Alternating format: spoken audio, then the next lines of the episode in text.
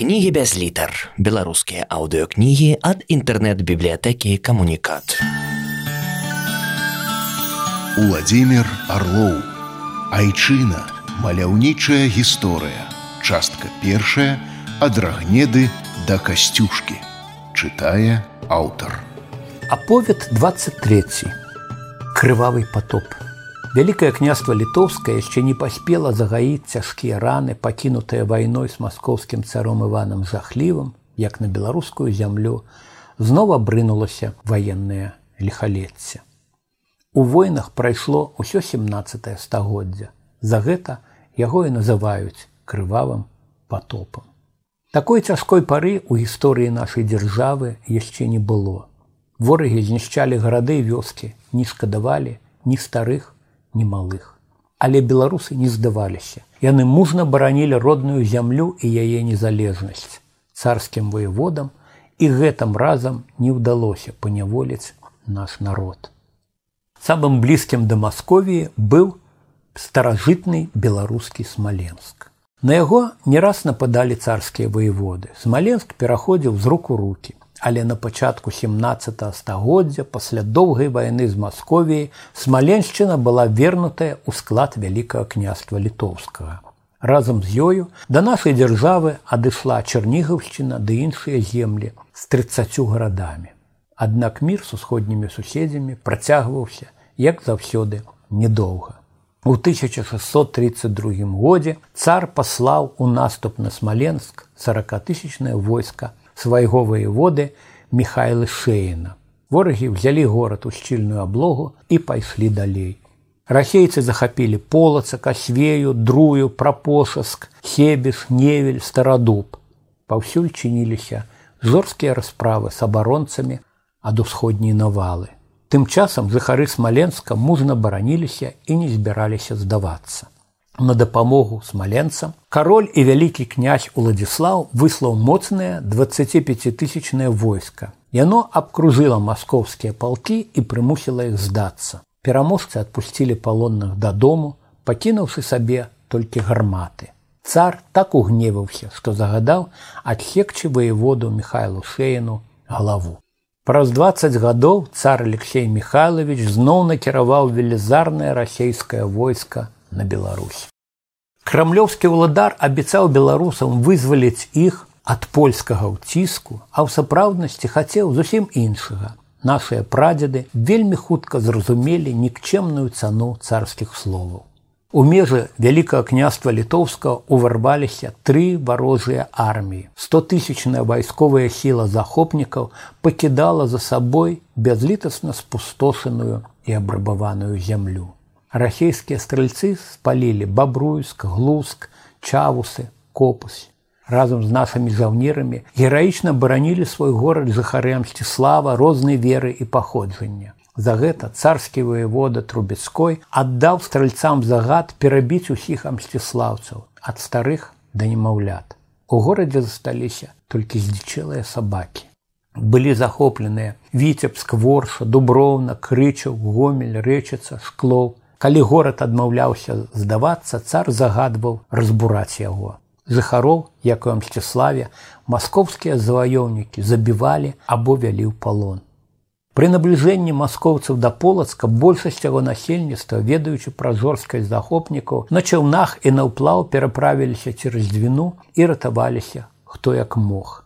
Манахі везлі з сабой абразы і дамавіны з мошчамі святых, бо маскоўцы не шкадавалі ні храмаў, ні магіл. Накіроўваючы на нашу зямлю новыя новыя войскі, цар наказваў воеводам усё на сваім шляху паліць і разбураць, а каб болей панішчыць назад ісці іншымі мясцінамі. Захаваліся пісаныя ў Маскву граматы воевода трубецкога, дзе ён паведамляў цару.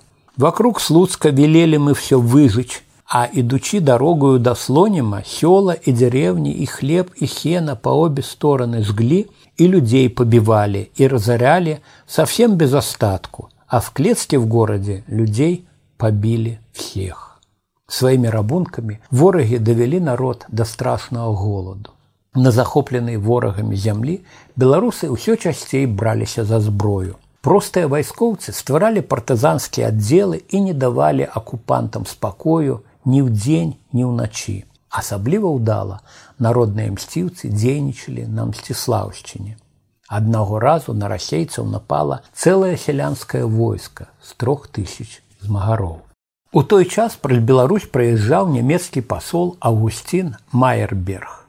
Ён быў глыбока ўражаны убачанымі на месцах гарадоў вёсак бязлюднымі руінамі да папялішчамі. У лісце дадому пасол напісаў, што здзекі і гвалт маскоўцаў адвярнулі ад іх сэрцы нашых продкаў. Замежны падарожнік адзначыў, што беларусы ліцвіны гналі чужынцаў са сваёй спустошанай зямлі з такой ненавісцю, якую тыя самі заслужылі. На віцепчыне партызаны вызвалілі ад маскоўцаў бешанковічы, лукамль і глыбокая. У самім віцебску заваёўнікі былі ўзятыя ў аблогу і баяліся нават нос выткнуць за гарадскія умацаванні. Не чакаючы падыходу войскаў вялікага княства, самастойна знішчылі царскія гарнізоны жыхары Амсціслава і крычава. Масква мусіла паслаць супроць народных мсціўцаў вялікія хілы з артылерыі карнікі палілі партызанскія вёскі, чынілі жорсткія расправы з захопленымі ў палон, але змагання ні на дзень не спынялася. Дарослым заўсёды дапамагалі дзеці і падлеткі. Яны, добра ведаючы лясныя сцежкі, былі сувязнымі, паведамлялі партызанам пра перамяшчэнні, колькасць і ўзбраення варожых войскаў. Вялікаму князю Яну Казіміру аднойчы распавялі пра адважнага полацкага хлопчука Васільку. Каб перадаць звесткі пра набліжэнне захопнікаў, ён не збаяўся пераплыць холодную восеньскую дзвіну. Гаспадар дзяржавы загадаў узнагародзіць юнага героя, а калі той вырасце, запрасіць яго да сябе на службу. Каб кіраваць акупаванымі беларускімі землямі, цар загадаў стварыць у Маскве асобную адміністрацыю, прыказ вялікага княства літоўскага. Аднак літва Беларусь упарта супраціўлялася захопнікам. Цар Алексей Михайлович намерыўся канчаткова паняволіць няскораную вольналюбную краіну і паслаў туды велізарную армію пад камандаю князя Івана Хаванскага. Царскія стральцы, выпальваючы ўсё наваколле, дайшлі да горадні і захапілі берасці. На акупантаў рушылі ліцвінскія палкі на чале з гетманам Паўлам Янам Сапегам. Под рукой яго было 8 тысяч жаўнераў. На дапамогу сапегу прывёў чатырохтысячную польскую дывізію Стэфан Чарнецкі. Аб'яднаныя войскі сустрэліся з галоўнымі сіламі маскоўскага воеводы 28 чэрвеня 1660 года каля мястэчка палонка паміж слонімам і ляхавічамі. Расейцы мелі больш за 20 тысяч ратнікаў, па два на кожнага ваяра ліцвіда конніца хаванскага пайшла ў наступ першую. Але контратака нашых кавалерыстаў гусараў атрымалася надзвычай імклівай і ўдалую. Варожая пехота, якая перапраўлялася цераз рэчку палонку была пасечаная і патопленая. Вырваўшыся на другі бераг, жаўнеры сапегі і чарнецка мелі выбар загінуць або перамагчы. У гарачай сечы ім дадавала моцы прага помсты за паняволеную айчыну. У бітве под палонкою загінула 16 тысяч маскоўцаў. Гэта быў поўны разгром арміі царскіх захопнікаў. Тады і нарадзілася беларуская прымаўка, лепалонкі, шаблі звонкі. На месцы тых падзеяў у нашы дні беларускія патрыёты усталявалі мемарыяльныя камяні з партрэтамі Паўла Яна Сапегі ды Стэфана Чарнецкага і звесткамі пра славутую перамогу. Вайна прынесла яшчэ адно страшнае гора. Цар пастанавіў гвалтам перасяліць у Масковію 300 тысяч беларусаў. У сапраўднасці гэтых вымушаных перасяленцаў было значна болей. Шмат нашых продкаў сталі прыгоннымі сялянамі расійскіх памешчыкаў. У астрахані ды іншых паўднёвых гарадах царскія стрыльцы гандлявалі палоннымі з-пад полацка, віцебска, воршы і амсціслава. Іх прадавалі персам і туркам у вечнае рабства, по три рублі за чалавека. Вялікую частку палону цар пасяліў у сваёй сталіцы. Жыхары цёмнай амаль цалкам непісьменнай Масквы дужа здзіўляліся, што летні палова перахіленцаў з Беларусі умелі чытаць і пісаць. Нашы землякі адчынялі там сколы.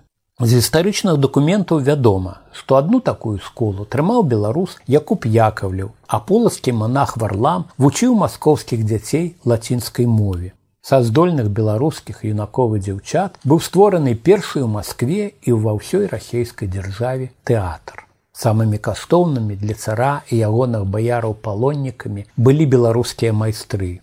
Падворшы перасялілі на чужыну друкароў з іхняй друкарню. На ўсход гналі збройнікаў, разбяроў, ювеліраў, кахляроў. Яны аздаблялі саборы і царскія палацы, вучылі свайму рамяцтву мясцовых людзей. Калі вы будетеце ў Маскве, і трапіце ў багатыя крымлёўскія музеі памятаеце што шмат якія скарбы залатой срэбнай збройнай да майстроўнай палатаў створаныя рукамі ваших таленавітых продкаў. У другой палове 17 стагоддзя беларускія майстры складалі пятую частку насельніцтва москвы гістарычныя документы кажуць што нашы землякі мелі болей за 50 спецыяльнасцяў. Шмат якія рамёствы добра асвоеныя ў беларусі расейцам былі зусім невядомыя. Турыстаў з розных краін, якія прыязджаюць у Маскву, часта прыводзяць у славуты смаленскі сабор новадзявочага манастыра. Кожны, хто трапляе туды, захапляецца дзівоснай пазалочанай разьбою, якая ўпрыгозвае храм. На жаль, расійскія экскурсаводы не кажуць, што гэтая дзіва стварыла арцель выдатных беларускіх майстроў.